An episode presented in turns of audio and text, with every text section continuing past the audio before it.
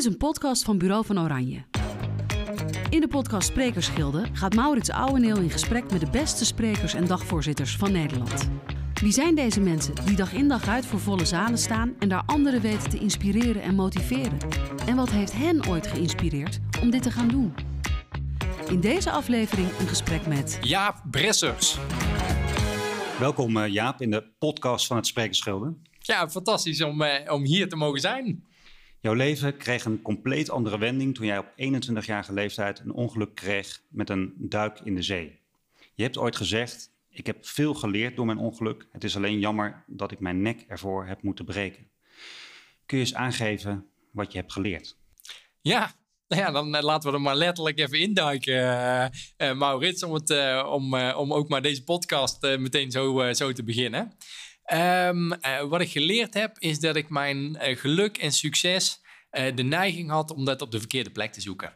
En dat, dat, dat dat een beetje voelt als, ik weet niet of de luisteraars dat ook hebben, je bent je sleutels kwijt en je zet heel de keuken op zijn kop en je kunt echt alles doen. Hè? Achter de plinten, in de oven, in de groentela, maakt me niet uit, echt tot op het bot door alles afzoeken. Alleen ze liggen gewoon in het schaaltje in de woonkamer. En um, ja, ik zeg al dat ik heb er echt mijn nek voor moeten breken om anders naar zaken te gaan kijken. Gelukkig kan dat ook simpeler, bijvoorbeeld door een podcast te luisteren. En um, om echt anders naar het leven te kijken, anders naar jezelf te kijken, anders naar ondernemen of hoe je werkt. En voor mij is werk en privé in die zin niet gescheiden. Het is je leven en, uh, en hoe je daar iets moois van maakt. En uh, dat is fantastisch om over te uh, mogen vertellen. Hoe vind je de kracht om door te gaan naar zo'n ingrijpende gebeurtenis? Uh, dat is noodzaak. En um, um, weet je wat wij als mensen, we hebben vaak pas de neiging om nieuwsgierig te zijn wat we allemaal kunnen als we met onze rug tegen de muur aan staan. En ik heb gemerkt dat we allemaal een, een potje kracht in ons hebben. En dan een potje is eigenlijk nog veel te klein. Ontiegelijke kracht in onszelf hebben. Alleen we gaan er pas naar kijken als het echt ontzettend ingewikkeld wordt. En ik vind het juist zo fijn om daar mensen aan de voorkant nieuwsgierig naar te maken. Want ik ben er echt nieuwsgierig naar geworden toen echt shit hit de fan. Toen het echt heel ingewikkeld was. Verlamd vanaf borsthoogte, rolstoel, handen doen het niet meer. Mijn toekomst was volledig zwart. En dan is het echt niet dat je dat moment denkt, nou, happy de peppy, dit biedt kansen. Goh, ik ben benieuwd wat het leven mij te bieden heeft. Nee, absoluut niet. Dan is het ook echt uh, in eerste instantie vechten, vluchten, boos zijn, uh, frustratie, uh, bijna af willen haken. Echt geen idee hebben. mijn toekomst was gewoon zwart. En um, als je in staat bent om in die situatie een heel klein lichtje aan het einde van die tunnel aan te steken, dan is die uh, tunnel misschien nog lang en misschien nog wel ingewikkeld, maar er is een lampje. En uh, je hebt iets om uh, je een beetje aan vast te houden. En ik vind het fantastisch dat we soms nu dat lichtje mogen zijn of die richting mogen zijn. want we krijgen allemaal met uitdagingen te maken. En, ehm, en dan is het juist fijn om even te delen wat werkt. Je hebt uh, lang uh, moeten revalideren. Uh, uiteindelijk ga je weer mee proberen te draaien in het normale leven. Hoe moeilijk was dat? Ja, nou, in het begin is het gewoon heel praktisch. Dan is het echt gewoon hoe, hoe kom ik hoe kom ik uit bed? Uh, dat is, ik heb nog steeds twee uur thuiszorg in de ochtend en een uur s'avonds. Uh, überhaupt vaardigheid. het was al een winst toen ik kon gaan zitten. Dus dat ik mijn bed uitkwam. Dat, dat ik gewoon niet meer duizelig werd. Dus daar zitten zulke ingewikkelde zaken. En telkens ook weer opnieuw. want in het begin is het revalidatiecentrum. Daar is het nog redelijk aangepast. Maar daarna ga je het, het gewone leven tussen aanhalingstekens weer in. Ja, en dan kom je wel eens een stoeprandje tegen. Of dan, hoe ga ik nou mijn studie oppakken? En uh, wat mij zo ontzettend geholpen heeft, is, is um, ik weet nog, uh, iemand die hun auto liet zien. En dat ik op een gegeven moment dacht, auto? En die had dezelfde dwarslezen als ik, dezelfde uitdagingen. En die reed gewoon auto. En toen dacht ik, maar, maar, wacht eens even, dat, dat kan gewoon.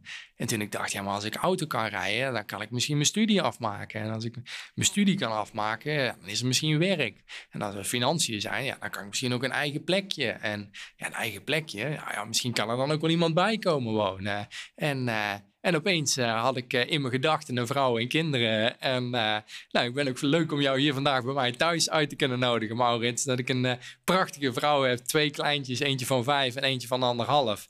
En die ene ene gedachte van die auto, van mogelijkheden, ja, groeide uit tot een gezin en een mooi warm thuis en kantoor waar, ja, waar je nu ook te gast bent. Even terug naar jouw ongeluk. Jij kwam in het ziekenhuis te liggen en, in Portugal en er was een verpleger, heet Carlos. En die staat eigenlijk nu centraal in jouw boeken en in lezingen. Kun je eens uitleggen waar het begrip Carlos voor jou voor staat? Ja, Carlos is een prachtige metafoor geworden voor iets wat we allemaal kunnen. En wat ik nooit in de allerbeste studies die ik zelf heb mogen volgen, alle trainingen die ik heb mogen volgen, nooit ergens gevonden heb. En toen dacht ik, ja, dan is het zo ontzettend belangrijk om hierover te gaan vertellen.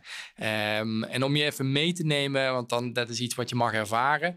Uh, um, je moet je voorstellen, ik stond op een middel in het water, grote golf. Ik duik vanuit stand in die golf. En uh, ik klap met mijn hoofd tegen de bodem aan en ik, ik breek mijn nek. En um, kan niets meer bewegen. Um, op een gegeven moment zelfs water in mijn longen voelen binnenstromen. Afscheid moeten nemen. Hele heftige zaken. En um, op een gegeven moment, twaalf uur later, schrik je wakker op een intensive care in een ruimte die je niet herkent, een lichaam die je zelf niet meer herkent, niet meer kan bewegen, blinde paniek, schreeuw het uit. En er komt ja, uh, niemand. Want uh, ja, daar waren ze gewend. Was Portugal, je hebt er vrij veel duikslachtoffers. En een, ja, een duikslachtoffer die is nu eenmaal in paniek. Dat was normaal geworden. Die groep mensen reageert ongeveer zo. En als je maar lang genoeg roept, dan komt er wel iemand. Dan hoor je voetstappen de kamer binnenkomen. En in mijn ooghoeken zie ik nog net hoe iemand zo keurig netjes al die monitoren, al die cijfertjes controleert. En die draait zich ook weer om. En die loopt ook weer weg. En toen um, ja, kwam Carlos. En Carlos was de broeder van de nachtdienst. Die heeft de rest van het team geïnspireerd, geïnstrueerd. Hij zei: luister, als Jaap s'nachts in paniek wakker schiet, ga er even naartoe. Gewoon echt heel simpel. Ga er even naartoe.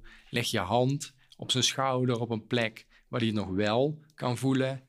En um, zeg: It's okay. En dat was alles wat er nodig was. Even die hand op de schouder. Het is oké. En daar ben ik later over na gaan denken. Ik denk, ja, ik zocht het altijd in het grote, in de toekomst, in succes en allerlei dingen. Wat ik nog steeds gaaf vind om bepaalde dingen na te streven. Alleen uh, als zoiets kleins zo impactvol kan zijn, dan kun je je impact naar vandaag halen. Dan kun je het vandaag doen. Dus hoef je je geluk niet uit te stellen, hoef je je toekomst niet uit te stellen. Dan kun je vandaag iets moois doen. En kan iedereen het. Want uh, toen ik tegen Carlos vertelde, dat vond ik eigenlijk het hele raar. Toen ik tegen hem vertelde wat hij voor mij betekend had, was zijn reactie van: Ja, maar dat is toch gewoon mijn werk. En dat is toch gewoon normaal. Dus hij zag het niet. Hij deed het al lang, maar hij zag het gewoon nog niet. En toen hij binnenliet wat ik tegen hem zei, toen realiseerde hij zich, ja maar wacht eens even, misschien is het voor mij gewoon heel simpel en voor mij heel klein.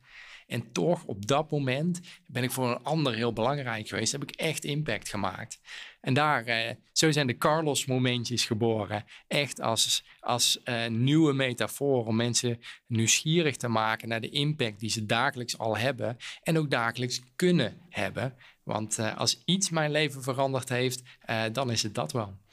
Wat vindt Carlos er allemaal van dat hij nu op, uh, op vrachtwagens met Carlos-stickers, de boeken, jouw lezingen, hij heeft natuurlijk, uh, je hebt nog steeds een, een, goed contact met hem. Ja. Wat vindt hij ervan?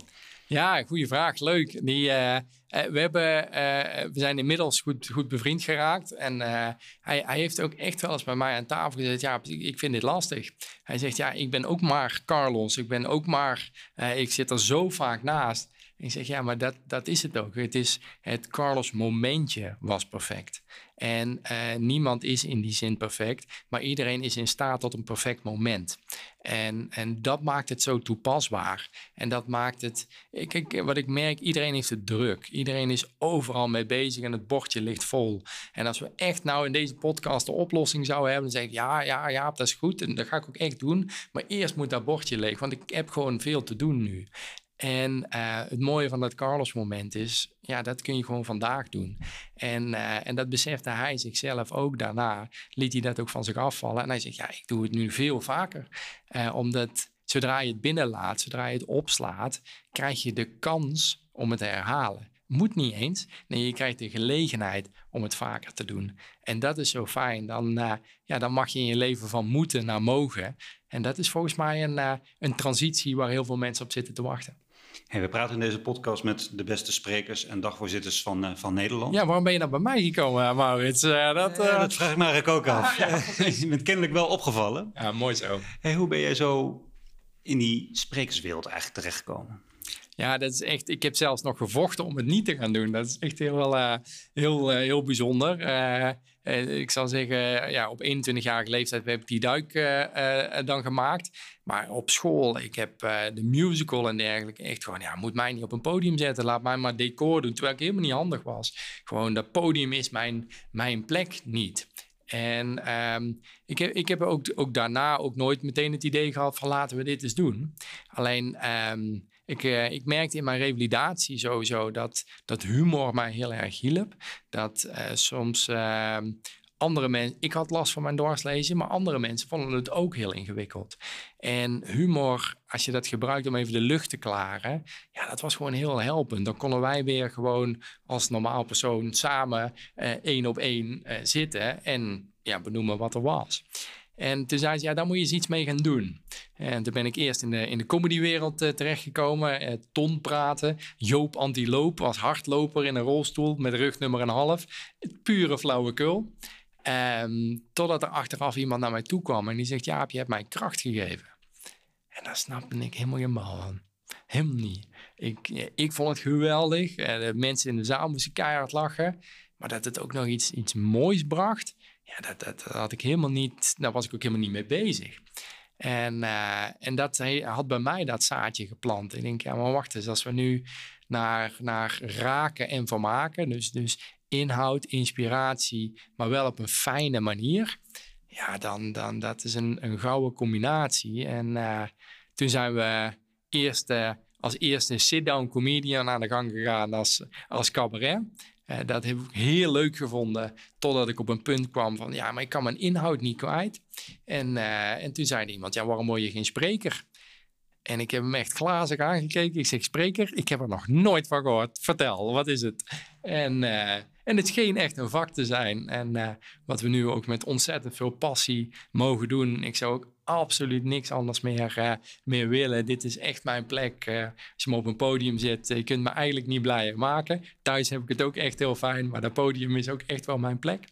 En uh, heel gaaf om in een hele relatief korte tijd mensen te mogen raken en vermaken. En, en, en ze ook de tools te geven om iets te gaan doen wat ze willen, wat ze kunnen en wat voor hun ook ontzettend veel oplevert. Wat is jouw definitie van een goede spreker? definitie van een goede spreker is voor mij iemand die je bijblijft. En zijn voor mij, ik, om, omdat ik uh, heel veel congressen zie, heel veel uh, zakelijke evenementen zie, um, heel vaak spreken wij alleen tot het hoofd. En dat is uh, op zich geen punt. Alleen wat we dan onthouden is, is, is toch relatief weinig. Want morgen gaan we weer door. Uh, dus de sprekers die ik altijd het fijnste vind, zijn sprekers waar het verhaal binnenkomt, maar ook nog die je dan daarna mee nog aanzetten tot actie.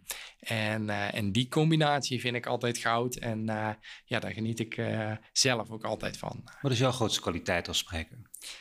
Ja, ja, er wordt een risico om dat te gaan herhalen wat ik net gezegd heb. Maar dat is wel hetgene wat ik zelf in ieder geval ook ambieer. Ik wil, ik wil het. Uh, ik heb in ieder geval besloten, ik ga het eerst doorleven. Ik ga het eerst zelf doen. Ik ga niks, uh, tuurlijk uh, bereid ik me voor een hele boeken en trainingen en seminars. want het, het gaat ook echt doorleven van hetgene wat ik zelf wil. Ik wil echt snappen hoe het zit. Ik wil weten hoe dat leven in elkaar zit en hoe je nou het meest gelukkige leven kunt leiden, zowel zakelijk als privé. Uh, want daar wordt mijn leven gewoon vooral heel veel beter van. En van daaruit kan ik ook de handreiking doen aan anderen.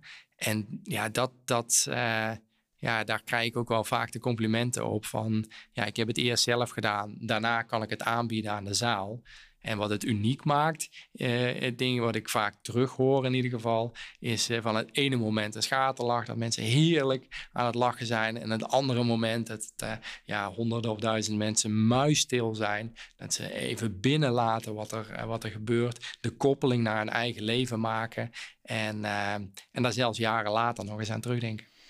Ja, je hebt het vermogen, zeg maar, om natuurlijk vanuit je eigen ervaringen eh, te praten. De humor, net al besproken, maar dat is uh, iets wat, wat jij uh, eigenlijk als een soort zelfspot ook uh, gebruikt. Ja, ja. Hoe doseer je dat? Is dat iets wat je hebt geleerd om dat te doseren? Ja, ja. ja dat is een vaardigheid ook. En dat is zo. Uh, ik vind dat we zeker op, op evenementen veel te vaak op, op content pompen zijn. Dus het moet. het moet, Eigenlijk, misschien is dat al hetgene. En, en dan moet er zoveel mogelijk gebeuren en zoveel mogelijk ja, waarde in zitten. En dat klopt ook. Uh, alleen um, laten we het dus fijn hebben. Uh, en als je content op een fijne manier over kunt brengen, ja, dat is zoveel. Uh, dus daardoor die humor zorgt ervoor dat mensen openstaan. En dat ze, oh ja, laat maar eens komen. En, en ja, die afwisseling tussen de humor en de inhoud en de emotie, ja, die zorgt ervoor dat het voor mij in ieder geval een, een geheel wordt. En dat is elke presentatie anders. Want de ene, ene zaal, uh, die, die, ik heb ook altijd mijn, uh, alles, ik neem alles mee en ik heb altijd mijn, mijn, laptop op het podium staan. Dus op locatie, ik had gisteren ook een presentatie, op locatie heb ik echt gewoon nog geswitcht. Omdat ik voelde, hey, in deze zaal op dit moment is dit het mooiste wat we te bieden hebben. En dan, ja, dan is het het volgen wat er gebeurt en daaraan aanpassen en daar iets moois van neerzetten. En hoe kom je erbij? Is het, is het een gevoel als jij eh, ergens komt dat je denkt, hé, hey, ik moet hier toch een ander verhaal gaan brengen dan wat ik wellicht heb voorbereid? Ja, nee, nee, nee het voorbeeld van gisteren is al in de voorbespreking al eens een uh, prachtig document van anderhalf A4'tje toegestuurd. Uh, want echt de inhoud uh, weergaf van wat zij wilde betekenen in de transitie die zij als afdeling door wilde maken. En de dagvoorzitter voor mij vroeg van nou, wie heeft het document gelezen? En van de 250 handen gingen, van 250 mensen gingen er twee handen omhoog. En ik had me voorbereid als dat dit is de basis, die is bij hun bekend, dus hoe kan ik die laten landen? Dus ik ben teruggeschakeld van wacht even, nee, dan is dit dus geen parate kennis, die moet ik even uh, ook als gevoel laten landen en daarna kunnen we pas gaan borgen of kunnen we door. Dus en dat is zo ontzettend fijn dat uh, ja. Uh, ik nodig mensen uit om het leven met aandacht te doen. En dus ook het werk met aandacht te doen. En eh, dan is het niet zo dat ik met 20 slides kom en zeg: Jongens, dit heb ik voorbesproken. Dit heb ik besloten om vandaag te, doen. En uh, ja, ik weet dat jullie er nu eigenlijk niet op zitten te wachten. Maar ik had bedacht nu een filmpje. Ja, zo werkt het niet. Dus uh, eerst zelf doen en daarna pas. En dan, en dan volg je dat. Dat voel je op een gegeven moment. Ja, we zitten nu inmiddels uh, um, 15 jaar al op een podium en 10 jaar in, in, in het lezingencircuit. Um, ja, dan heb je zoveel zalen gezien. Dan, dan is dat. Je wil gewoon het meest mooie brengen. En dan, dan, ja, dan ga je afstemmen op het publiek. En dat is gewoon een gevoel en, en een gevoel en ervaring.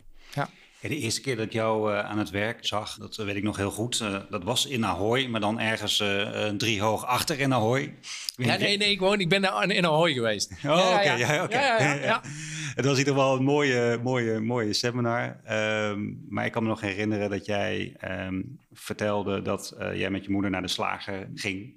En dat de slager aan je moeder vroeg, uh, lust hij ook nog een uh, plakje borst? Ja, dat is een oude orde. Die heb ik echt al, uh, dat is inderdaad lang geleden dat we elkaar daar gezien hebben, Maus. Want dat verhaal heb ik echt, denk ik, al een, een jaar of zes. Wat leuk dat hij nou weer terugkomt. Een jaar of zes niet meer, niet meer gebruikt. Dus dat, ehm, nou ja, het, het gaat ook over... Hè, ehm, voor vol aange in het begin ben je nog bezig om voor vol aangezien te worden.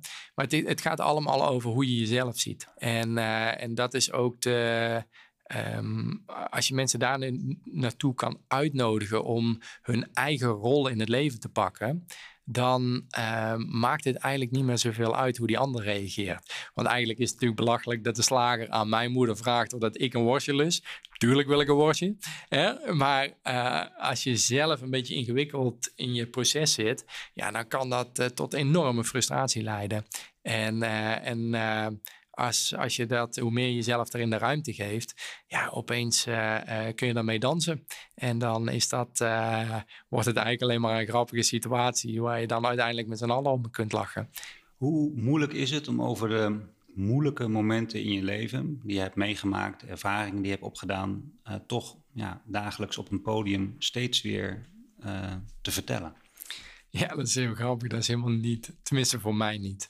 En, en uh, het is wel zo dat ik het continu um, beleef. Dus als ik mensen meeneem over mijn, mijn ongeluk, ga ik op dat moment ook die zee in. Um, alleen dat is inmiddels voor mij zo veilig geworden dat dat, dat helemaal oké is. En het doel is ook niet om mijn ongeluk te vertellen. Het doel is een verhaal te vertellen en daar iets aan te koppelen waar zij iets mee kunnen. Dus, en omdat ik dat in mijn achterhoofd heb, uh, heeft het nut. Als het een doel zou zijn, Jaap vertelt zijn ongeluk, ja, dan was ik er al jaren geleden mee opgehouden. Want dan, dan, dat doet niks. En dan word ik zelf ook niet gelukkig van. Want dan zou het het opratelen zijn van iets wat eigenlijk niet zo prettig was. Of niet zo prettig was. nou, het wordt opgenomen. Laten we het daarbij houden. En um, het... Um, ik vind het juist heel respectvol en heel fijn om dat op die manier te doen. En uh, het voelt voor mij, elke presentatie is een soort handreiking. Uh, ik probeer het altijd als cadeautje aan te bieden. Uh, die ik op mijn hand heb staan voor me. maar het publiek kiest of ze eraf pakken. En, en het is telkens zo fantastisch om te zien hoe dat massaal gedaan wordt. Maar dan zijn de credits dus ook volledig voor die persoon die dat doet. En dat is zo fijn, want je kunt mensen zeggen wat ze moeten doen, maar dan krijg je eigenlijk alleen maar weerstand. En als je ze meeneemt en een aanbieding doet en denkt, ja, dit heeft voor mij fantastisch geholpen en dat wil ik alleen maar graag met je delen, maar jij beslist. Uh, ja, als ze het dan gaan doen, ja, dan, dan kun je jouw leven vooral vormgeven. En, uh, en dat is fijn. Is dat belangrijk voor je, dat deelnemers iets gaan doen met jouw boodschap? Je geeft net aan, dat geeft mij voldoening. Ja, het grappige, het, het echte antwoord is eigenlijk nee, want ze mogen nog steeds 100% zelf kiezen. Want anders ben ik uh, uh, gebonden aan het antwoord wat die ander geeft. Maar ik haal er wel heel veel plezier uit, telkens als mensen, er, als mensen het gaan doen. Want natuurlijk, uh, als, je, als je een podium opgaat, dan doe je dat op impact te maken. En doe je dat omdat je voelt dat je een bijdrage kunt leveren. Maar de ander is wel vrij. En ik, ik heb ooit eerst dacht ik dat ik de reactie moest bepalen. Ik heb ooit één zaal gehad en die bleef muisstil. En ik dacht van, nou ja, ja, ik zal ook misschien een dag gehad hebben, dit is hem niet. En zes maanden later kreeg ik een, eh, die directeur die belde, ja, mag ik, uh, moet ik het goed zeggen, volgens mij 400 boeken van jou bestellen. En ik had echt zoiets van, ja, maar wacht eens, dat was toch die presentatie? En dan zegt, ja, maar ja, luister, wij zijn allemaal uh, ja, kabelgravers, allemaal macho's, weet je wel. Ja, wij zijn nog nooit, wij zijn nog nooit stil geweest. Dus dit, uh, dat verhaal kwam zo binnen. En ik dacht van, ja, maar wacht eens, dit dat was toch een mix? En voor, voor mijn beleving uh, was er iets anders mogelijk. Maar voor hun was dat eigenlijk het meest mooie compliment wat ze konden geven. Waar ze ja, zelfs die zes maanden later bij het 75-jarig bestaan zeiden... we willen hierop doorpakken en we willen je boek cadeau doen. Dus dat, het is niet aan mij om te beslissen waar iemand klaar voor is... of hoe iemand reageert. Um, als je er nog even niet klaar voor bent, is dat zaadje geplant... en die komt vanzelf een keer boven, uh, boven de grond. Als jij wordt gebeld om ergens een lezing te geven, wat zijn dan de afwegingen om uh, een lezing wel of wellicht niet te doen? Ja, nou ja, ik, ik heb het geluk dat ik een paar toppers op kantoor heb zitten die mensen heel warm kunnen ontvangen. Um, dus eigenlijk de eerste schifting gebeurt daar al. En um, als ik echt zou denken dat ik niks bij kan dragen, dan, uh, ja, dan zou, ik, zou ik mezelf positief afraden, uh, om het zo maar te zeggen. Alleen um, door de jaren heen heb ik wel gemerkt dat de uitdagingen binnen organisaties uh, zo universeel zijn dat, um, ja, dat we wel echt bijna bij elke doelgroep echt iets moois neer kunnen zetten. En we hebben ook altijd een persoonlijke voorbespreking. Dat je echt even gaat luisteren van wat, wat, wat bedoel je nu? Wat, wat, waar willen jullie naartoe? Waar liggen de uitdagingen? Waar liggen de kansen? En dan ga ik in mijn kaartenbak van verhalen kijken van hoe we daar het meest mooie voor neer kunnen zetten. En uh, ja, dan eigenlijk altijd komt er wel iets heel moois uit. Wat voor verzoeken hebben ze vaak aan jou? Um, omgaan met verandering komt heel veel. Mensen hun eigen rol laten pakken. Duurzaamheid is eentje die, uh, die we de laatste tijd veel uh, bij komt. Persoonlijk leiderschap. Uh, dat zijn wel de, de, de thema's die heel veel voorbij komen. En nou ja, mensen even een positieve boost geven. Of in ieder geval of ook weer die trots laten voelen van hetgene wat ze al doen. Want het is belangrijk wat je doet. Wat jij doet is belangrijk. Anders was het al lang weg geweest. Anders was het al lang bezuinigd of weg of wat dan ook. Uh, alleen we staan er soms niet altijd meer bij stil hoe belangrijk het is wat we doen. En als je mensen dat weer mag laten ervaren, ja, dan kun je weer, weer of nog meer die trots voelen. En dan blijft die batterij ook vol. En dat is, uh, soms zijn we heel erg aan het geven. En dan ja, ben je op een gegeven moment hier een kuil aan het graven en daar met een kruiwagen naartoe aan het brengen. En uh, ja, op een gegeven moment is daar eindig, want dan heb je een kuil voor de deur. En het is uh, dan ook fijn om te genieten van het zien wat je geeft. En dan uh, ja, dat, dat jouw eigen batterij vol blijft en je eigen glimlach vol blijft. En dat kan. Als jij ergens op een podium spreekt, waar let je dan op? Puur publiek. Ja. ja. Heb jij ankerpunten in de zaal dat je denkt, hé, hey, ik, ik heb die mevrouw en die meneer? Ja, ja, ik heb de ogen en dan allemaal. Dus, dus uh, als er een intieme management sessie is of wat dan ook, ja, dan heb je, heb je echt gewoon uh, 10, 20 mensen en dan kun je ze allemaal uh, meenemen. Grotere zalen. Eh, voor mij, iedereen moet het gevoel hebben dat het op dat moment voor hun is. Kijk, laatst ook de, de, recensie van, ja, ja, het voelde echt alsof jij puur alleen persoonlijk tegen mij praatte.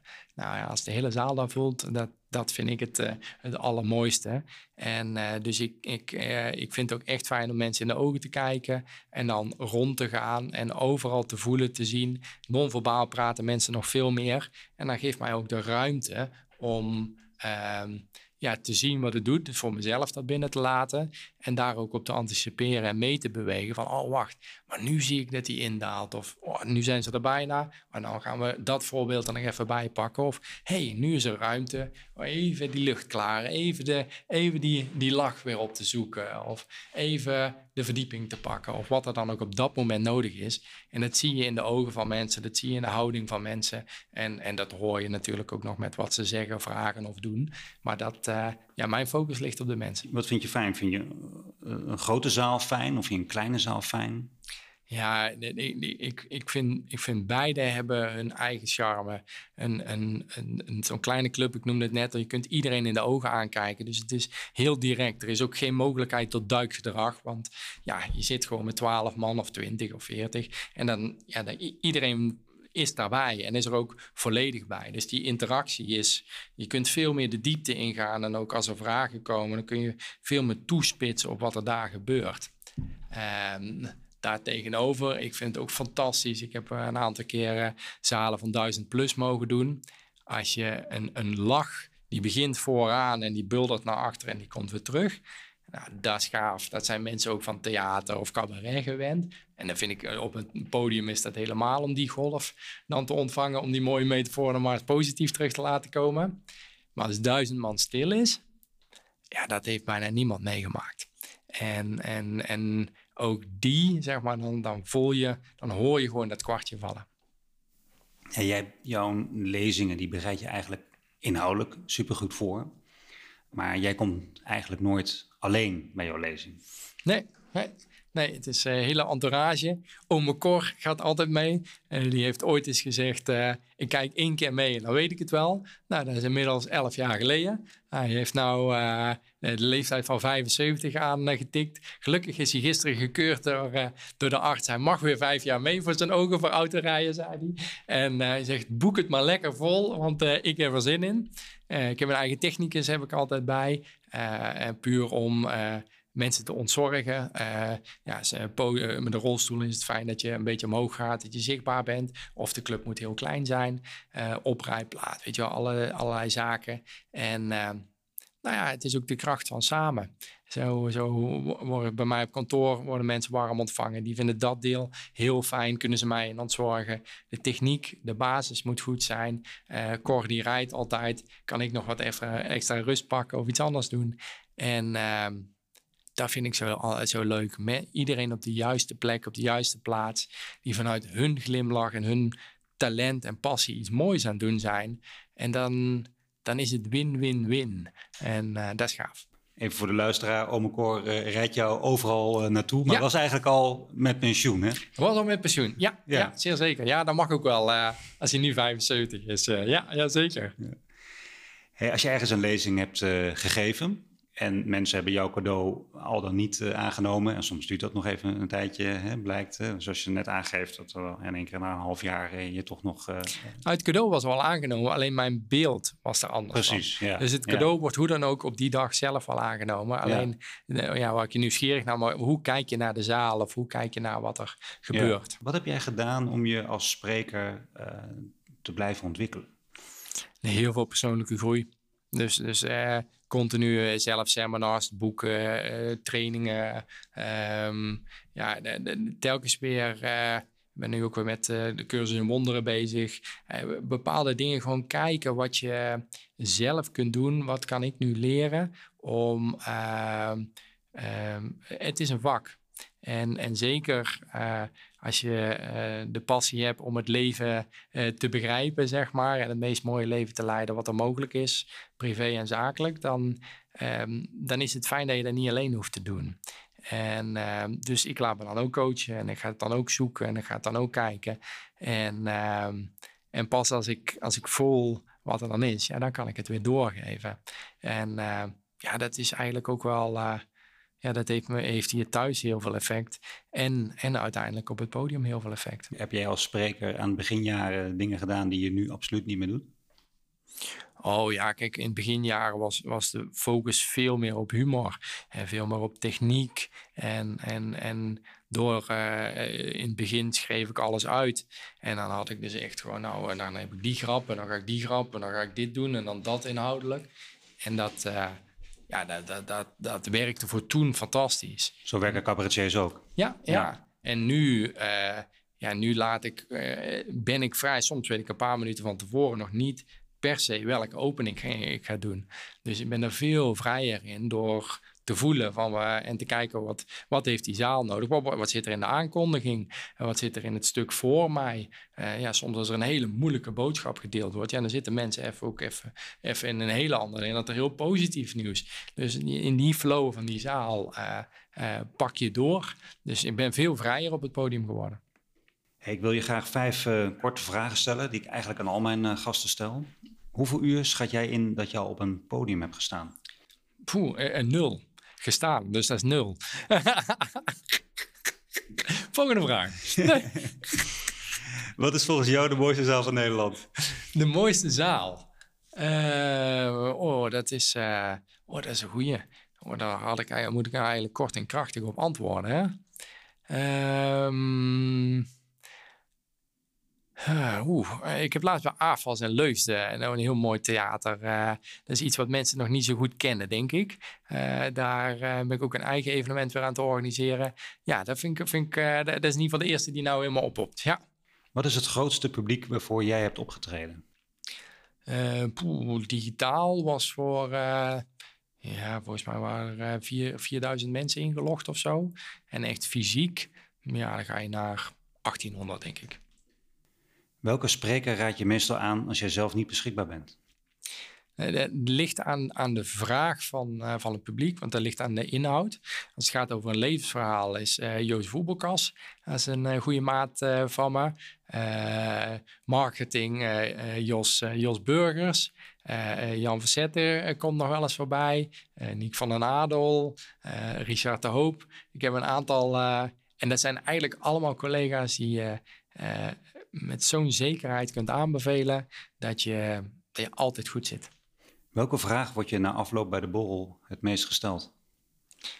Ehm, nou, mensen willen vooral vaak doorpraten. Mensen komen ook met hun eigen verhaal. En dat vind ik altijd een mooi, uh, mooi compliment. Dan zeggen ze, eh, je hebt me geraakt. En dat ben ik eigenlijk niet gewend. Uh, had ik ook niet verwacht dat vandaag ging gebeuren. En, en dan praat je eigenlijk door. En dat, dat is eigenlijk wel heel, heel tof. Ja. ja, vind je het mooi als mensen hun eigen levenszaal met jou delen? Nou, ik hoef niet per, het is niet per se dat ik alle verhalen hoef te horen, maar het gaat erover dat zij geraakt zijn en dat ze het binnen hebben laten komen. En ja, dat vind ik zo mooi, want als je het binnen laat komen, is het van jou. En ik kan alleen maar iets, iets aanraken wat er al lang zit. En dan ga je het ook doen. Dan, dan is er niet eens meer, ja, dan heb je het bij je. En dat is gaaf. De naam kwam al even voorbij. Ehm, iedere gast leg ik een vraag voor van een goede bekende. En de vraag voor jou is van Niek van den Adel. Ah, wat leuk. Dag Jaap, hier je vriend, collega Niek. Uh, en ik uh, mocht uh, een vraag aan je stellen van Maurits. En die vraag is als volgt. Jij bent voor mij een voorbeeld dat je als spreker iets groters in de wereld zet dan alleen maar jezelf. Namelijk Stichting Carlots Momentjes. Momenten van geluk, momenten van geven. En dat deel je met de rest van de wereld. Dat is echt ook een heleboel. En ik weet ook dat er een hoop tijd in je gezin, in het spreken in, en de stichting gaat zitten. Hoe behoud jij de balans in een druk leven waarbij ook je lichaam nog niet altijd mee wil werken? Ja, een mooie, een mooie vraag. Wat leuk eh, dat, dat Nick ook even, even voorbij, uh, voorbij komt. Um, nou ja, het, is, het, is, eigenlijk heel eenvoudig. Dat is echt heel gek. Maar de, ehm, door echt kritisch te gaan kijken, en dat is eigenlijk nog niet eens van het hoofd, maar vanuit het hart, naar alle activiteiten die ik doe, is het een oprechte ja of, is het, of niet? En, en dat heeft mij zo ontzettend veel tijd opgeleverd. Dat heeft mij zo veel nodeloos achter dingen aanzitten. Soms is het ook een, uh, een stukje uh, geduld. Soms is het de controle een beetje loslaten. Of fors loslaten. En uh, dat scheelt.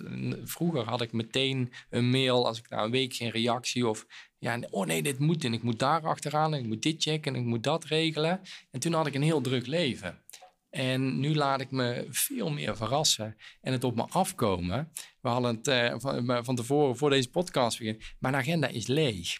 Ik heb prachtige optreden staan. Ik heb prachtige ruimte. Eh, misschien eh, er is ruimte in mijn agenda. Misschien klinkt dat nog veel beter. Een lege agenda klinkt niet fijn. Maar er is ruimte. Er is ruimte voor mijn gezin. Er is ruimte voor de stichting. En alles op het juiste moment. Dus er zit geen uh, moeten meer op. Er zit mogen op. En, en dan kun je ehm, eigenlijk heel makkelijk jong leren. En dan kun je die ballen op een hele fijne manier mee bezig zijn. En dat, ehm, en dat doen we dan eigenlijk ook met ontzettend veel plezier. Was jij een controlfreak? Ja, nou ja, en ik denk dat we dat allemaal in wezen zijn. Dat we denken dat we door controle het leven gaan krijgen wat we willen. En ik heb gemerkt dat controle eigenlijk het tegenovergestelde bereikt. Want controle zorgt voor meer werk. En controle zorgt dan ook nog vaak dat het wat krampachtig wordt en dat de reacties naar jou toe ook niet altijd even prettig worden. En, ehm, en ik heb dat ook echt tot in een uiterste uitgeprobeerd. Want ja, maar als ik het nou nog meer ga controleren, gaat het dan wel lukken? Uh, totdat ik op een gegeven moment achter kwam, ja, maar wacht eens, als ik het ruimte geef, dan, ehm, dan komt er juist rust. En, ehm, en dat is een hele fijne afwisseling. Niek uh, zit volgens mij in een clubje waar Jos Burgers in zit, Jan van Zetten in zit, Richard de Hoop uh, in zit. Ja. nou, jij zit daar ook bij. Wat doen jullie met elkaar? Nou ja, dat, dat is ook gewoon leuk. Kijk, sprekers, uh, we gaan alleen naar een evenement. We krijgen wel heel veel applaus en enthousiasme en zo. En dan gaan we ook wel alleen terug. Ik heb gelukkig ome Cor en Erik nog bij, dus dat scheelt een stuk.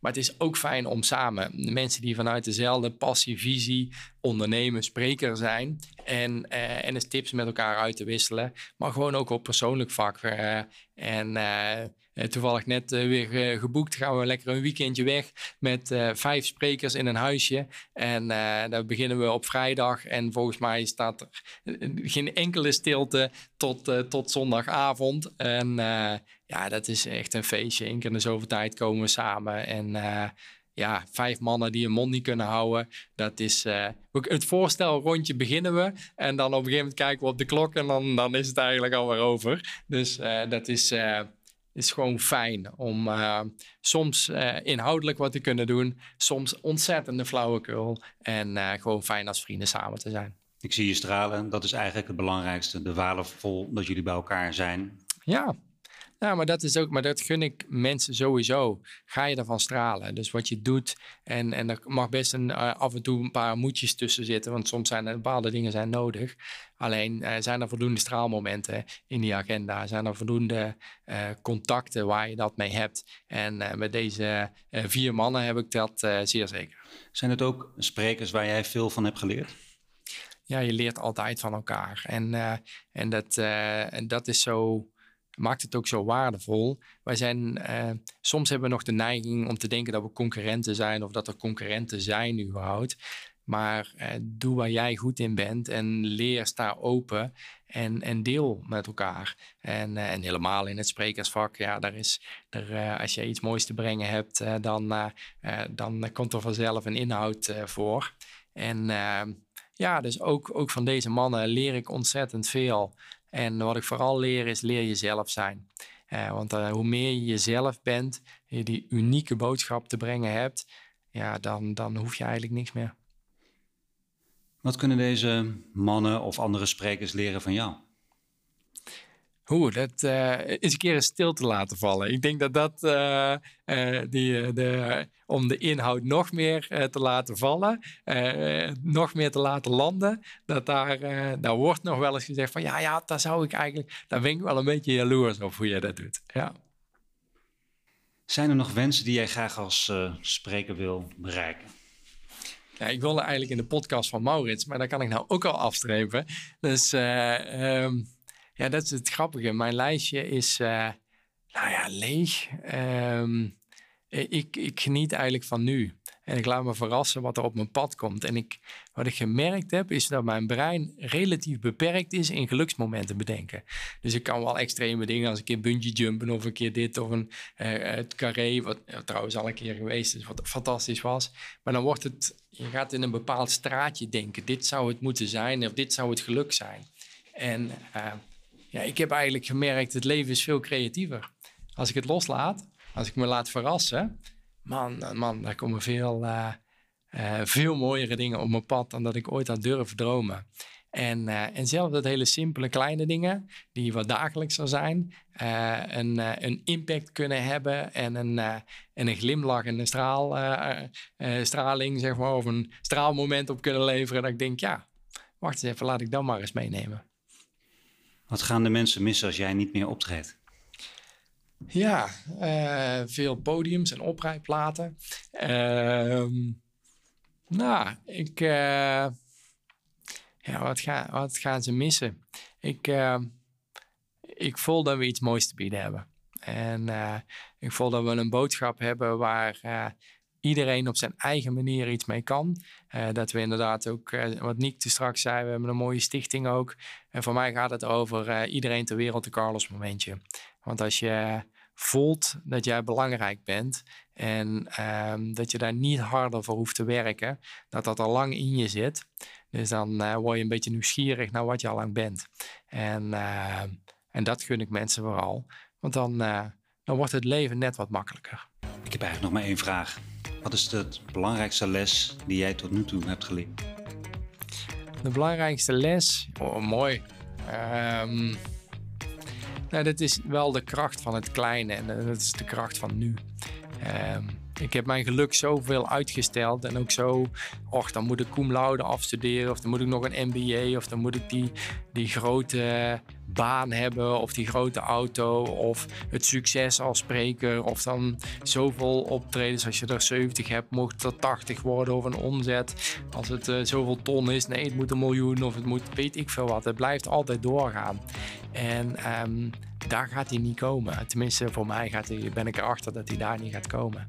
En, uh, en dat, uh, maar dat kan hij nu al zijn. En, uh, en ik denk dat dat het, het, het grootste is wat ik geleerd heb. Van, ja, dan hoef ik hem niet meer buiten mezelf te zoeken. Dan kan ik hem in mezelf zoeken. En dat ook nog eens delen met mensen, die handreiking doen, dat is het grootste geluk wat er is. Heel erg bedankt voor het gesprek. Heel graag gedaan. Dit was een podcast van Bureau van Oranje.